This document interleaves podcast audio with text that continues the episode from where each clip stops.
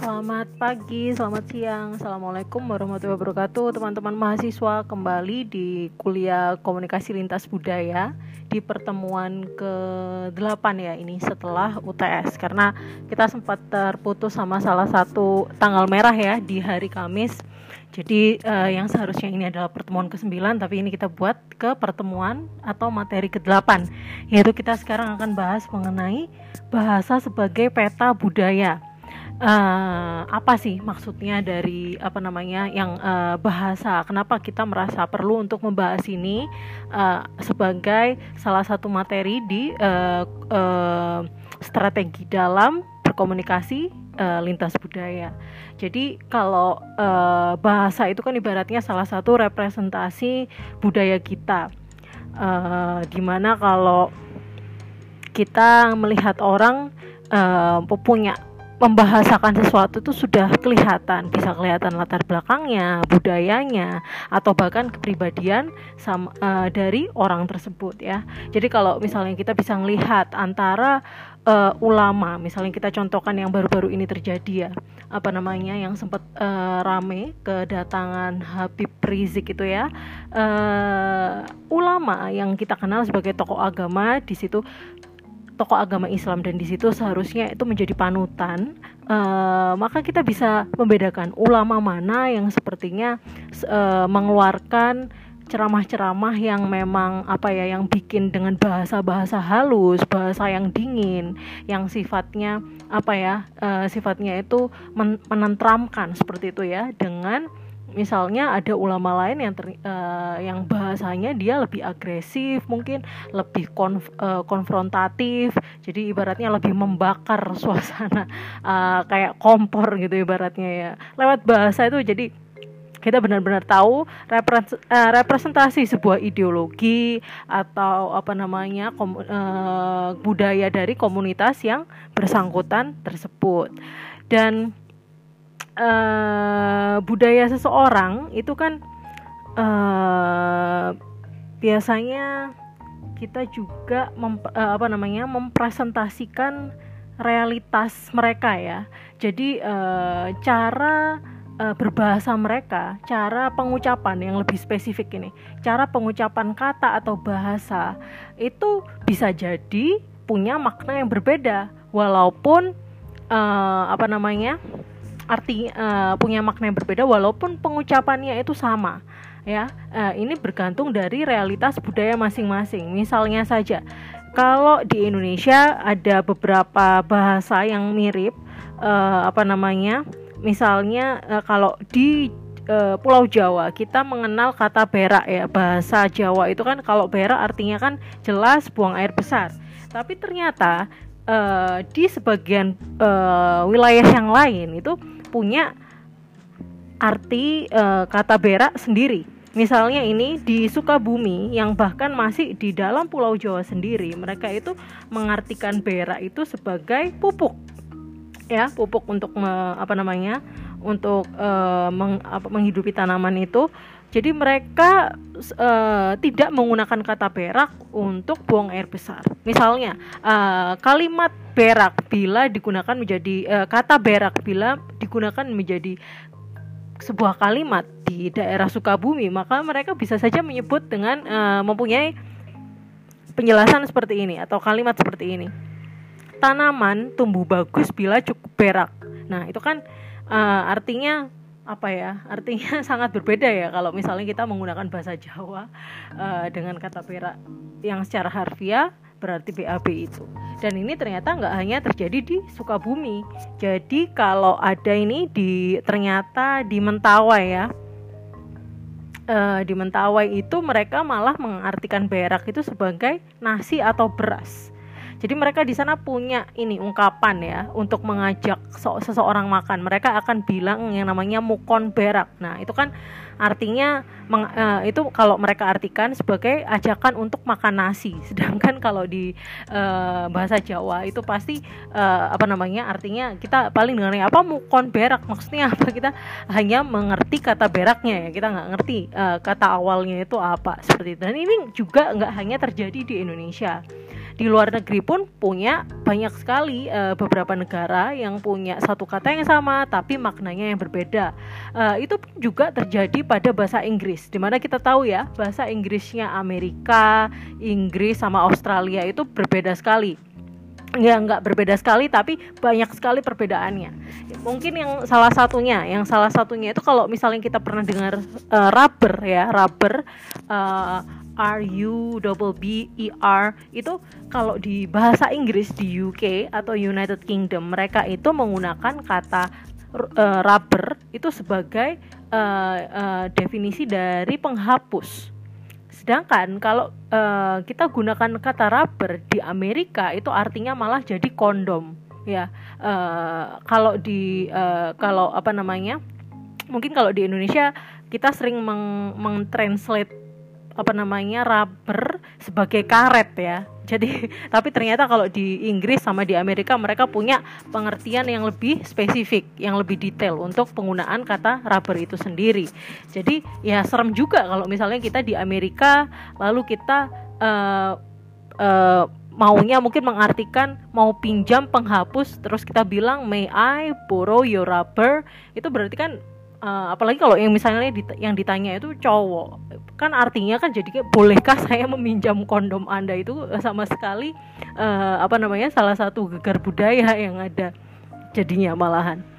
Oke lalu Uh, di slide selanjutnya untuk dinamika bahasa. Se oh ya sebelumnya tetap ya saya harapkan kalian sudah download uh, PPT-nya jadi akan lebih mudah buat kalian mencerna uh, memahami materi kuliah dengan menyimak PPT dan juga menyiapkan catatan. Jadi menyiapkan catatan itu kan kalau ada yang tidak saya jelaskan atau uh, dan itu memang biasanya saya uh, seperti itu ya saya hanya merangkum dalam PPT tapi saya akan memberikan penjelasan yang lebih detail di uh, materi visual uh, materi verbal seperti ini oke okay?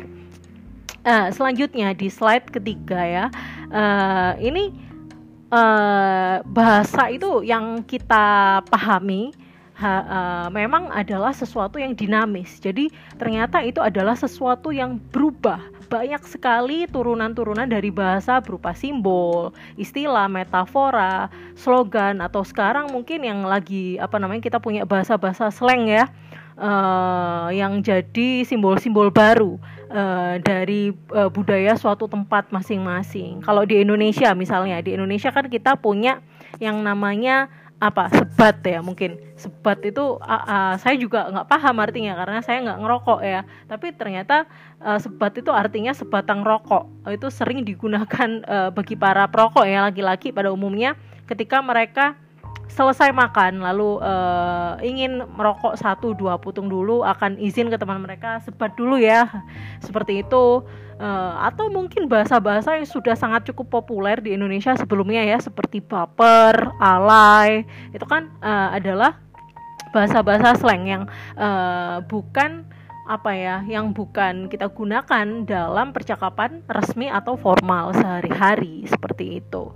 Dan uh, bahasa yang punya sifat dinamis ini ini kan ini juga bisa jadi salah satu indikasi kalau banyak sekali kata-kata serapan yang uh, berasal dari bahasa-bahasa lainnya. Ini terjadi bisa di Indonesia atau bisa di negara-negara lainnya, ya. Uh, misalnya kalau kita bahas dalam konteks lokal di Indonesia. Indonesia banyak sekali kata-kata serapan kita yang ternyata itu berasal dari bahasa Inggris, bahasa Belanda, bahasa Portugis, bahasa Arab, bahasa Sanskerta, bahasa Cina ya misalnya nih kalau di bahasa Inggris uh, bahasa, uh, apa namanya kata-kata Indonesia yang kita dapatkan dari serapan bahasa Inggris itu ada yang namanya ideologi. Kalau ideologi itu kan bahasa Inggrisnya kan ideologi ya lalu kita serap jadi uh, versi bahasa Indonesia-nya menjadi ideologi. Ada juga instan di mana instan ini pun secara pronunciation atau pengucapannya juga ternyata sama antara bahasa Indonesia dengan bahasa Inggris. Kita sama-sama menyebut dengan instan seperti itu kan uh, ada juga misalnya interaksi. Interaksi itu kan serapan dari kata yang aslinya adalah interaction ya. Lalu kalau misalnya bahasa lain di bahasa Belanda, bahasa uh, Belanda mungkin karena kita punya sejarah yang panjang dengan Belanda dan akhirnya membuat kita punya banyak sekali kata-kata serapan. Misalnya ember ya yang paling terkenal mungkin kalau kalian sering dengar. Ember itu kan uh, ternyata uh, kata serapan dari bahasa Belanda yang mereka bahasa aslinya itu emmer emmer ya. Jadi tanpa b. Lalu ada juga misalnya apa? Misalnya pulpen. Nah pulpen ya kalau di Indonesia tapi kalau di bahasa Belanda aslinya mereka menyebutnya dengan full pen pakai v ya. Uh, selain itu misalnya uh, bahasa Portugis. Kita juga punya uh, sejarah ya dengan bangsa Portugis meskipun nggak terlalu lama. Dan ternyata ada juga kata-kata bahasa Indonesia yang diambil dari bahasa Portugis. Misalnya boneka. Boneka itu mungkin uh, kalau bahasa Portugis aslinya itu artinya uh, dia punya apa namanya penulisannya sama uh, bonek boneca. Jadi hanya uh, perbedaan k dengan c saja. Boneca untuk bahasa Portugisnya. Dan uh, ada juga kata lain yang sangat mirip yaitu mentega mentega itu ternyata diserap dari bahasa Portugis yang mereka menyebutnya mentega jadi pakai i uh, setelah e mereka mentega menyebut uh, mentega seperti itu.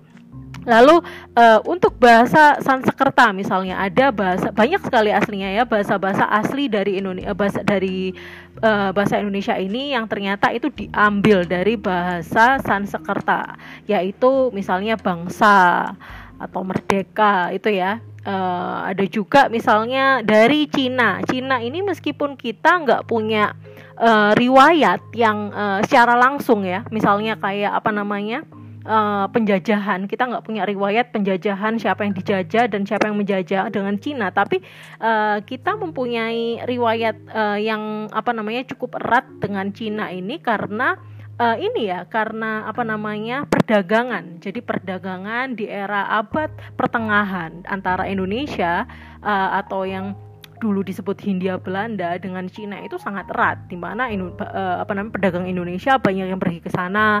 Begitu juga sebaliknya uh, pun ternyata juga banyak sekali gelombang imigrasi yang terjadi dari Cina ke Indonesia. Makanya kan kalau uh, kita lihat sekarang banyak sekali keturunan keturunan Cina keturunan Tionghoa yang tinggal di Indonesia itu sebenar, sebelum sebenarnya juga sudah lama ya sudah sejak abad pertengahan di mana waktu itu bahkan Indonesia belum dijajah oleh Belanda.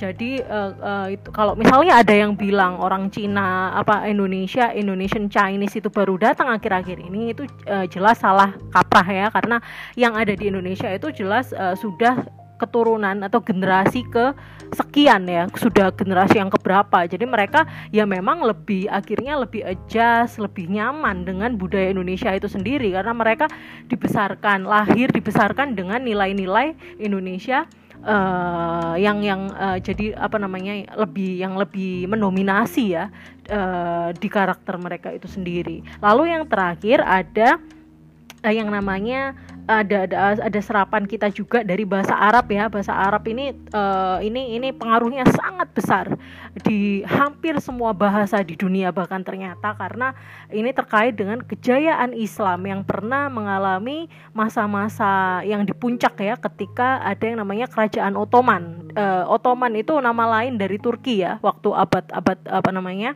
uh, sebelum abad-abad ke-17 18 sebelum terjadi perang dunia pertama itu Ottoman itu benar-benar uh, berjaya selama berabad-abad. Dan di sana juga uh, ada kerajaan di Spanyol di Andalusia di mana di situ Islam uh, apa namanya kerajaan-kerajaan Islam juga berjaya. Dan itu akhirnya menjadikan apa namanya uh, penyebaran uh, kok penyebaran Eh, menjadikan pengaruh dari bahasa Arab yang uh, juga mereka gunakan menyebar ke uh, kata-katanya menjadi serapan ke beberapa bahasa. Misalnya kalau di Indonesia yang menjadi bahasa Arab itu seperti ilmu, kursi daulat itu ternyata diambil dari uh, ben dari bentuk asli bahasa Arab itu sendiri. Nah, sekarang uh, kita coba lihat ternyata yang namanya bahasa karena itu adalah sesuatu yang dinamis yang berubah sesuai dari periode ke periode dan ini juga berlaku untuk semua bahasa. Uh, kalian bisa lihat di slide keempat di sini ada uh, contoh perubahan bahasa Melayu ya yang sekarang kita gunakan sebagai bahasa Indonesia. Di bahasa Melayu ini uh, pada ini pada abad ke-17 ya ta, uh, awal uh, abad ke-17 dan di sini adalah salah satu hikayat ya ini mahkota segala raja-raja dari Bukhari Al-Jauhari. Di sini sangat beda ya peng, uh, penulisannya, pengejaannya. Bahkan ini kalau sekarang kita baca mungkin akhirnya kita kehilangan makna karena uh, sangat kita membutuhkan waktu untuk membacanya sepertinya ya. Ini adalah contoh dari bahasa Melayu itu sendiri, bahkan yang sekarang kita uh, pakai versinya jadi bahasa Indonesia ya. Uh, lalu yang ke selanjutnya ada juga contoh perubahan bahasa Inggris yang di mana bahasa Inggris ternyata juga mengalami perubahan yang signifikan dari waktu ke waktu dari abad ke-8 ke-14 sampai yang abad ke-20 ini baru uh, mempunyai tipologi yang sama dengan yang sekarang ya. Apalagi bahasa Inggris itu bahasa yang uh, ini uh, bahasa Inggris, bahasa Prancis sama bahasa Jerman. Tiga bahasa itu adalah bahasa yang sangat exact, yang sangat detail untuk me, apa kayak menyebut sesuatu itu uh, dengan apa ya? dengan sejelas-jelasnya. Yang misalnya kalau gender uh, setiap setiap barang, uh, setiap kata benda atau noun itu pasti mereka punya gender, uh, gender apa namanya laki-laki atau perempuan ya. Enggak, jadi gender itu tidak hanya diperuntukkan untuk perempuan.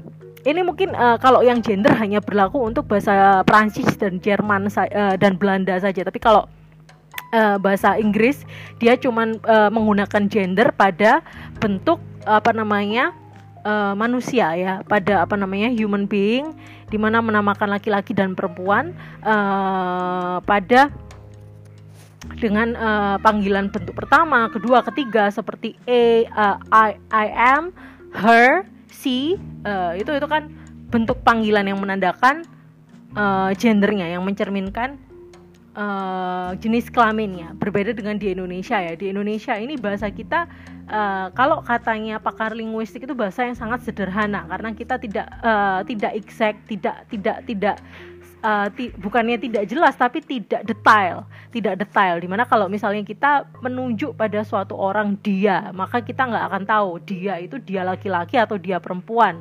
Nah itu yang dimaksud uh, dengan bahasa yang tidak exact atau tidak detail Lalu selanjutnya, ini kalian bisa lihat uh, contoh serapan. Bahasa Inggris yang ternyata itu diambil dari bahasa Arab. Ini banyak sekali ya, uh, di mana ini uh, yang saya bilang tadi ini terkait dengan uh, bangsa Arab pada masa uh, apa namanya masa kejayaan peradaban Islam di Spanyol ya, di Andalusia dan juga di Ottoman uh, pada abad ke-16 ini kan uh, misalnya ya admiral. Kalau di bahasa Inggris ternyata di bahasa Arab itu di, uh, itu diambil dari bahasa Arab yang awalnya itu Amir al al jadi admiral Amir Aral bisa dirasakan sendiri ya rasanya. Bahkan uh, apa ilmu-ilmu yang seperti alkemi ya ini uh, ternyata diambil dari alkimia dan lain-lain. Bahkan yang paling mudah uh, sekarang yang mau saya contohkan uh, penggunaan sosial med media kita apalagi kita ini orang komunikasi ya. Jadi pasti kita tidak bisa dipisahkan dengan yang namanya algoritma dalam media sosial dalam apa namanya kehidupan teknologi kita. Nah uh, ternyata algoritma ini diambil dari bahasa Arab. Ini adalah serapan dari bahasa Arab yang uh, ar yang pertama kata aslinya adalah al-kawarismi Al-Kawirismi ini adalah nama seorang penemu dari algoritma itu sendiri ya. Jadi pada abad ke-8 di Timur Tengah, tepatnya di Baghdad, ada satu ilmuwan, ilmuwan Islam yang namanya Muhammad Ibnu Musa Al-Kawarismi dan dia uh, merupakan uh, penemu algoritma, penemu aljabar dan juga penemu angka nol dan akhirnya uh, sejak apa namanya? Uh, terobosan yang dibuat oleh uh, Musa Al-Kawirismi ini banyak digunakan oleh ilmuwan-ilmuwan dunia dan akhirnya itu yang membuat namanya Al-Kawirismi diserap jadi berbagai bahasa khususnya bahasa Inggris yang uh, terus dikejawantahkan sebagai algoritma. Al, jadi kan kalau di bahasa Inggris itu mereka menyebutnya sebagai algorithm ya algorithm how to uh, counting our algorithm bla bla bla. Tapi kalau uh, algorithm ternyata itu diambil dari al-Khawarizmi seperti itu. Dan juga ada be uh, beberapa kata lainnya. Kalian bisa lihat di sini. Dan tentunya ini juga nggak semua ya. Ini ada uh, beberapa kata lain yang uh, ada banyak kata lain yang nggak saya cantumkan di sini. Seperti itu. Jadi itu ya untuk masalah bahasa itu memang sangat terkait dengan sejarah dengan perdagangan yang ada di masa lalu. Ibaratnya komunikasi lintas budaya pada abad sebelum uh, masa penjajahan bahkan. Itu sudah banyak sekali digunakan Nah, ternyata uh, selanjutnya kita akan bahas bahwa bahasa itu punya salah satu sifat yang nggak kita uh, yang sering nggak kita duga, yaitu bahasa itu punya kesemena-menaan uh, dalam bermakna. Jadi hubungan antara bunyi suatu kata sebagai simbol dan makna itu sifatnya itu benar-benar semena-mena, suka-suka atau kalau lebih ilmiah kita sebut jadi arbitrer ya ini ini terkait dengan uh, bagaimana apa namanya menyangkut bunyi dan mak apa namanya bunyi dan makna dalam apa namanya suatu tempat di tempat lain yang tadi yang bisa sama tapi pengucapan uh, pengucapan sama tapi makna berbeda. Tapi ini juga terkait dengan hal yang lebih kompleks seperti yang namanya sintaksis. Sintaksis ini artinya derajat urutan kata-kata dalam suatu kalimat. Atau kalau di bahasa Indonesia kita menyebutnya dengan rumus SPO atau subjek predikat objek ya. Subjek eh, kalau di bahasa Inggris sama ya, subjek eh, predikat kalau di bahasa Inggris verb ya, verb SVO. Makanya kalau di bahasa Inggris mungkin kalian lebih lihatnya itu SVO untuk eh, apa namanya rumus eh, grammarnya. Kalau eh, terus Nah, di e, karena apa? Karena ternyata rumus subjek predikat objek ini di e, berbagai negara, di berbagai tempat ini bisa jadi berbeda. Jadi tolong dipahami, ternyata e, ketika kita belajar bahasa lain, kalian e, kita tidak boleh menyamaratakan bahwa semua negara itu akan menggunakan rumus subjek predikat objek. Ini tergantung e, dengan apa namanya tergantung dengan budaya mereka ter, uh, tergantung bagaimana sejarah menarik bahasa apa hubungan bahasa mereka ya uh, contohnya ini kalian bisa lihat contohnya yang menggunakan uh, rumus untuk apa menentukan peletakan subjek predikat objek itu ternyata hanya berlaku di Indonesia, di Inggris, Cina dan Swahili. Swahili ini bahasa Swahili ini Tanzania ya di Afrika Utara. Orang-orang uh, nama mereka menggunakan bahasa yang namanya bahasa Swahili. Nah uh, jadi sifat kesemena-menaan bahasa ini akhirnya mengisyaratkan kalau sebenarnya itu sah-sah saja bagi sekelompok orang untuk menyepakati kata-kata itu punya pengertian yang mungkin untuk untuk sebagian orang mereka melihatnya itu sebagai kekeliruan. Tapi uh, bagi orang yang menyepakati itu itu ya itu itu artinya eh, benar-benar saja. Itu yang dimaksud uh, dengan sifat kesemena-menaan bahasa Misalnya saja yang paling mudah, kalau di Jawa Timur kita menyebut perempatan, itu kan kita banyak menyebutnya sebagai perapatan ya. Tapi ternyata kalau di Jawa Barat, uh, khususnya di Bandung, orang-orang itu banyak sekali menyebutnya sebagai simpang lima. Nah, berkaitan dengan perbedaan penyebutan uh, dan maknanya seperti ini, ini seharusnya kita memaknai ini dengan tidak menyalahkan uh, mana dulu yang benar? Itu asal katanya dari mana? Itu kalau kita belajar dari konteks komunikasi lintas budaya kita tidak perlu untuk mencari tahu siapa yang memulai mana yang salah mana yang seharusnya menggunakan bahasa ini atau mana yang seharusnya diperbaiki. Karena itu nanti larinya justru pada etnosentrisme kita akan merasa budaya kita yang paling benar padahal ternyata siapa tahu e, perubahan makna itu terjadi karena sejarah yang juga e, kompleks. Dan itu bukan salah siapa-siapa pada akhirnya. E, karena itu jadi e, lebih baik kita akhirnya saling apa ya ibaratnya kita e, apa bahasa peribahasanya itu e, di mana ada langit dipijak di situ di mana kaki dipijak di situ langit dijunjung uh, itu tergantung bagaimana kita bisa menghormati uh, nilai norma dan aturan-aturan uh, yang ada di mana kita berada. Uh, se sebenarnya uh, dalam konteks komunikasi lintas budaya itu saja yang perlu kita uh, lakukan ya. Lalu uh, ternyata bahasa ini juga nggak bisa dialihkan secara harfiah, secara makna yang saklek, yang mutlak. Itu itu itu sulit sekali mempunyai pengerti uh, apa namanya mengalihkan uh, bahasa dengan dengan uh, rumus seperti itu karena uh, faktanya uh, suatu apa namanya suatu kata itu nggak nggak punya uh, padanan yang te tepat uh, untuk kata uh, kata lain uh, untuk bahasa lain dengan kata yang sama. Nggak semua kata punya padanan yang tepat dalam bahasa lain, ibaratnya seperti itu. Uh, misalnya uh, faktor kesulitan apa namanya pengalihan bahasa secara harfiah ini ya.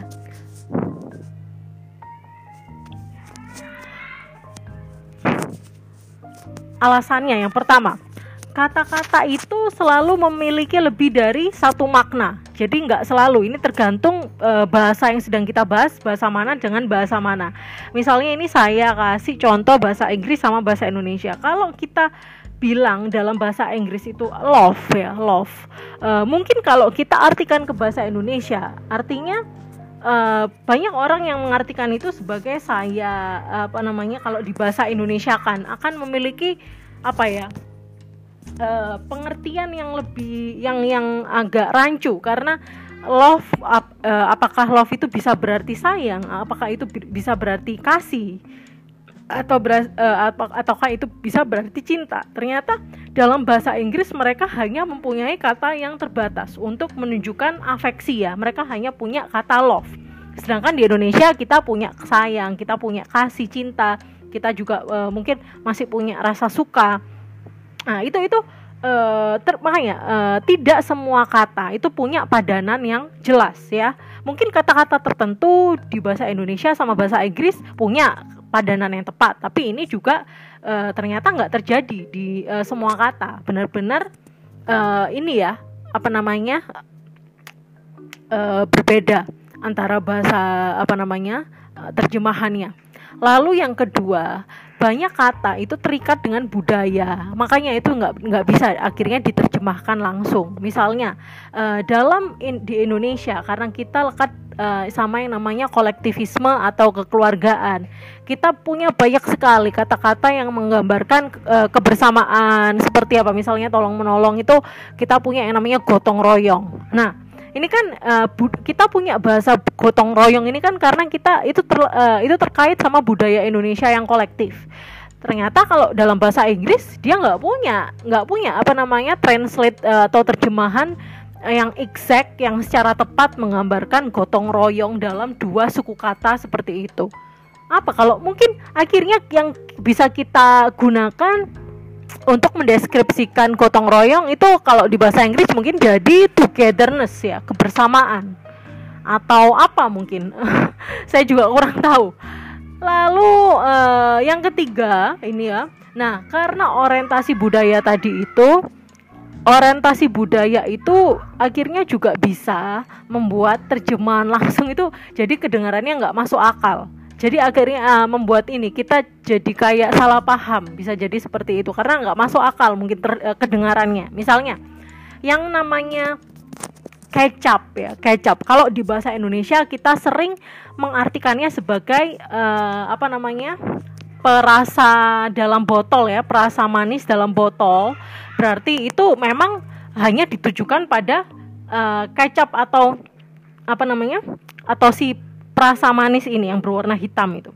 Itu itu kita memang memberikan uh, bahasa itu dengan sebutan kecap. Tapi ternyata ketika kita pergi ke luar negeri maka orang di sana yang akan mendefinisikan kecap sebagai perasa dalam botol apa pun. Jadi perasa ketika itu dia isinya saus, saus pedas, saus uh, tomat, mereka akan menyebut dengan kecap ya kecap tapi uh, kalau kecap kan uh, kita pakai bahasa Indonesia K I C A P ya kalau uh, mereka dalam bahasa Inggris kita pakainya K Y T C H U P kecap jadi uh, orang luar negeri mereka akan menyebut kecap uh, rasa apa yang mereka butuhkan. Misalnya mereka uh, pengen saus tomat, lalu mereka akan bilang, "Can you give me tomato ketchup?" Jadi mereka akan membahasakannya itu uh, jadi tomato kecap tergantung atau chili kecap atau uh, kecap apa namanya saus pedas seperti itu dan mereka punya bahasa sendiri untuk kecap in, kecapnya Indonesia yang warnanya hitam itu mereka biasa menyebutnya sebagai soya sauce itu pun masih uh, disendirikan ya. Kalau misalnya yang kita butuhkan adalah kecap asin, maka kita uh, ini artinya adalah soya sauce. Tapi kalau yang kita butuhkan adalah kecap manis, maka kita harus menyebut dengan jelas atau exact yaitu sweet soya sauce ya seperti itu jadi ini sangat uh, bikin lumayan culture shock kalau misalnya kita tinggal di luar negeri dan kita nggak tahu perbedaan-perbedaan seperti ini kita harus lebih detail dalam melihat produk-produk uh, apa seperti itu. Nah, ini kembali lagi di bahasa Inggris. Bahasa Inggrisnya Inggris sama Amerika, sama Amerika ini kan berbeda ya. Karena itu uh, ketika kita ngomong sepak bola di bahasa Inggris uh, di UK United Kingdom mereka akan menyebut sepak bola itu dengan kata football. Yang ternyata ini berbeda dengan cara Amerika menyebut sepak bola dengan kata soccer ya. Ya, hal-hal seperti ini sangat kecil memang tapi ternyata ketika kita salah menggunakannya itu bisa uh, mengakibatkan salah paham dan akhirnya uh, cuma apa ibaratnya uh, menguras energi ya seperti itu lalu uh, sekarang ternyata uh, ketika kita ngobrol mengenai uh, bahasa ya it, ada salah satu uh, hipotesis yang sangat menarik bila kita kaitkan dengan uh, relasi komunikasi antar budaya. Ada yang namanya hipotesis Shapir-Whorf. Ini sangat terkenal di mana dia punya uh, teori bahwa bahasa itu ternyata tidak sekedar sarana untuk uh, apa? Untuk uh, mendeskripsikan sesuatu jadi juga ternyata bahasa itu bisa mendefinisikan realitas kita. Nah, itu uh, artinya itu apa? Artinya berarti uh, ketika kita berbahasa itu itu juga secara tidak langsung uh, bisa kita sadari atau uh, pun tidak kita sadari itu me, uh, membentuk realitas kita, membentuk mindset kita, cara kita berbahasa, cara apa bahasa yang kita gunakan itu ternyata mengubah dan membentuk logika berpikir kita. Seperti itu. Dan uh, akhirnya karena ini teori ini sangat menarik para pakar ini akhirnya membagi ini menjadi dua uh, dua uh, menjadi uh, apa namanya dua hipotesis hipotesis. Yang pertama adalah determinisme linguistik di mana di sini teorinya orang-orang itu akan orang-orang uh, yang bisa ngomong lebih dari satu bahasa maka mereka akan menggunakan logika berpikir sesuai dengan bahasa mereka sendiri-sendiri. Ibaratnya, uh, misalnya saya berbahasa bahasa Inggris dan bahasa eh, bahasa Indonesia dan bahasa Jawa, maka ternyata perspektif yang akan saya gunakan ketika saya menggunakan bahasa Indonesia dan bahasa Jawa itu otomatis akan berubah. Jadi tershifting, ter uh, otomatis terganti. Kalau misalnya saya ngomong mengenai kuliah, uh, saya menggunakan bahasa Indonesia, maka saya akan punya sudut pandang yang berbeda. Tapi ketika saya membicarakan topik mengenai kuliah menggunakan bahasa Jawa, nah uh, otomatis sudut pandang yang saya gunakan itu berbeda sesuai dengan bahasa saya. Itu ini ini teori yang sangat menarik uh, sesungguhnya. Karena apa? Karena uh, bagi ini ya uh, khususnya bagi dia, diaspora diaspora Indonesia. Diaspora itu uh, ini orang yang tinggal uh, di luar negeri tapi tidak orang yang merantau ke luar negeri tapi tidak apa namanya tidak uh, untuk menetap di sana. Ya misalnya orang Indonesia yang bekerja di Jepang uh, yang bekerja di India di Singapura. Nah itu kita bisa uh, sebut mereka sebagai diaspora. Ini ini kaitannya dengan cerita-cerita para diaspora di mana mereka itu sering bilang katanya kalau uh, ketika mereka ngomong menggunakan bahasa Indonesia itu secara otomatis logika berpikir, sudut pandang yang mereka gunakan itu akan kembali menjadi orang Indonesia yang punya budaya kolektif, yang timbul tenggang rasa yang tinggi antar sesama uh, apa antar sesama manusia. Tapi ketika mereka menggunakan bahasa yang uh, bahasa lain, bahasa asing bisa bisa jadi bahasa Inggris atau bahasa-bahasa yang digunakan uh, di tempat tinggal aslinya misalnya mereka menggunakan bahasa Inggris atau bahasa Jepang atau mungkin bahasa Jerman itu ternyata juga mempengaruhi mempengaruhi pola pikir mereka untuk berpikir seperti uh, seorang natif dari uh, atau orang asing dari negara yang mereka tinggali tersebut. Seperti itu. Ini sangat menarik ya teorinya dan yang uh, kedua adalah relativitas linguistik. Jadi yang pertama tadi adalah determinisme linguistik dan yang kedua adalah relativitas linguistik. Nah, di sini ini bilang kalau budaya itu dikontrol dan mengontrol bahasa. Ibaratnya yang apa ya? Gampangannya itu bahasa itu bukan apa yang uh, kita bisa katakan, tapi apa sih yang relatif untuk kita katakan, ibaratnya seperti itu. Nah, tapi yang paling penting dalam hipotesis Sapir-Whorf ini adalah implikasinya atau uh, outputnya. Jadi ternyata di sini uh, implikasinya adalah suatu komunitas itu bisa jadi mereka akan mempunyai kosakata yang lebih banyak untuk suatu hal atau suatu kegiatan uh, bila mana aktivitas atau kegiatan atau hal tersebut adalah bagian penting dari komunitas tersebut. Jadi contohnya, uh, contohnya kita bahas ini ya orang Eskimo. Orang Eskimo ini kan yang tinggal di kutub ya, yang tinggal di cuaca yang uh, dinginnya sangat ekstrim. Orang Eskimo itu punya enam kata berbeda untuk mengartikan yang namanya salju Oh, kalau di Indonesia saja kita hanya cuma sa punya satu kan, uh, satu kata salju ya atau uh, bahasa Inggrisnya snow. Karena apa? Karena ya kita nggak relate ya, kita nggak bisa me, apa namanya me, me nggak merelasikan itu dengan kehidupan kita. Wong Indonesia saja nggak punya ya apa namanya uh, nggak nggak pernah ibaratnya kita nggak punya musim salju, kita cuma negara dua musim. Tapi karena orang Eskimo mereka tinggal di, di daerah bersalju dalam sehari-hari mereka sudah uh, tahan punya ketahanan yang berbeda mungkin dalam mengatasi suhu ekstrim dingin dengan kita akhirnya mereka punya bahasa yang lebih kompleks uh, ketika itu ngomong mengenai salju seperti itu. Nah itu juga ada uh, negara lain misalnya di Arab Saudi mereka juga punya bahkan puluhan sampai ratusan kata untuk kata unta atau pedang saking apa? Saking ternyata unta dan pedang itu sangat relate dengan keseharian dan sejarah dari bangsa Arab Saudi itu sendiri. Sedangkan kalau di Indonesia apa Bu? Di Indonesia apa sih yang uh, yang penting untuk hal yang hal atau kegiatan penting apa sih uh, di negara kita yang bikin uh, akhirnya itu punya lebih dari satu bahasa ternyata di Indonesia juga punya banyak oh misalnya uh, kita beras ya. Uh, kan kita menyebut beberapa bagian dari padi itu dengan sesuai dengan tahapan atau sesuai dengan bagian dari padi tersebut. Misalnya kita akan menyebut uh, na, uh, apa namanya padi ketika itu masih menjadi tanaman. Kita akan menyebut itu menjadi beras ketika itu sudah diolah uh, menjadi suatu butiran beras uh, tapi belum dimasak. Dan beda lagi uh, ketika sudah dimasak namanya jadi nasi Sedangkan orang di barat mereka hanya punya satu kata yaitu rice. Rice itu ya artinya ya bisa padi, nasi, beras, gabah itu sama mereka menyebutnya sama-sama rice. Tapi kalau di Indonesia kita punya banyak sekali. Nah, ada juga di Jawa ya bahasa Jawa. bahasa Jawa ini mereka juga punya kata apa ini yang yang uh, menarik ini kelapa. Uh, mungkin kalau orang luar orang barat cuma punya satu kata yaitu kokonat. Tapi di bahasa Jawa kita punya apa namanya bluluk. Bluluk itu kelapa kecil itu ya. Atau cengkir. E, cengkir itu buah kelapa sebesar bola tenis gitu.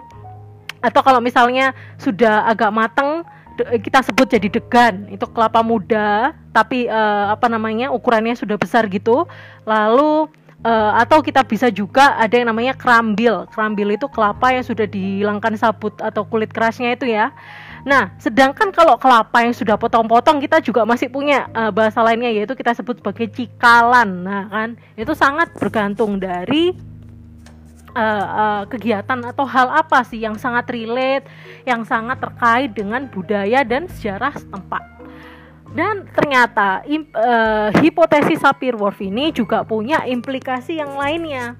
Apa sih implikasi lain yang lebih uh, ibaratnya uh, lebih uh, lebih terrelasikan dalam suatu budaya yang lebih besar atau makro.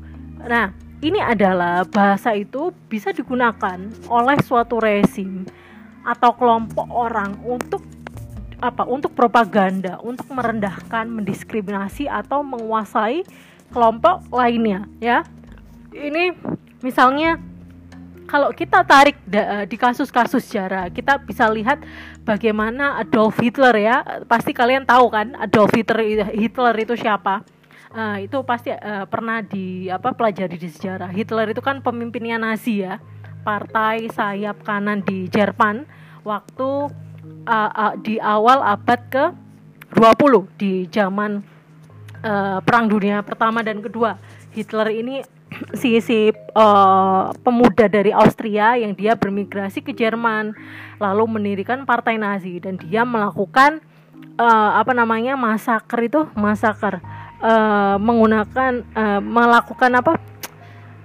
Pembantaian semacam pembantaian atau uh, apa ya saya lupa padanannya di bahasa Indonesia ada kok yang lebih uh, yang lebih ini yang lebih pantas gitu uh, ibaratnya dia melakukan pembunuhan massal pada orang Jewish atau Yahudi. Nah uh, itu kan akhirnya menjadikan waktu uh, si si Hitler itu juga akhirnya menggunakan bahasa bahasa yang digunakan dalam propaganda-propaganda yang disebar dalam bentuk apa? Dalam bentuk media juga media elektro elektronik dalam waktu itu apa namanya kayak uh, uh, dalam bentuk film ya bahwa dia menganggap uh, orang Yahudi adalah uh, warga negara kelas uh, rendah yang tidak pantas mendapatkan keluarga negaraan itu yang akhirnya membuat mereka di uh, di di di penjara ya dalam satu camp yang besar dan akhirnya di uh, melalui pembantaian massal hingga dibunuh seperti itu.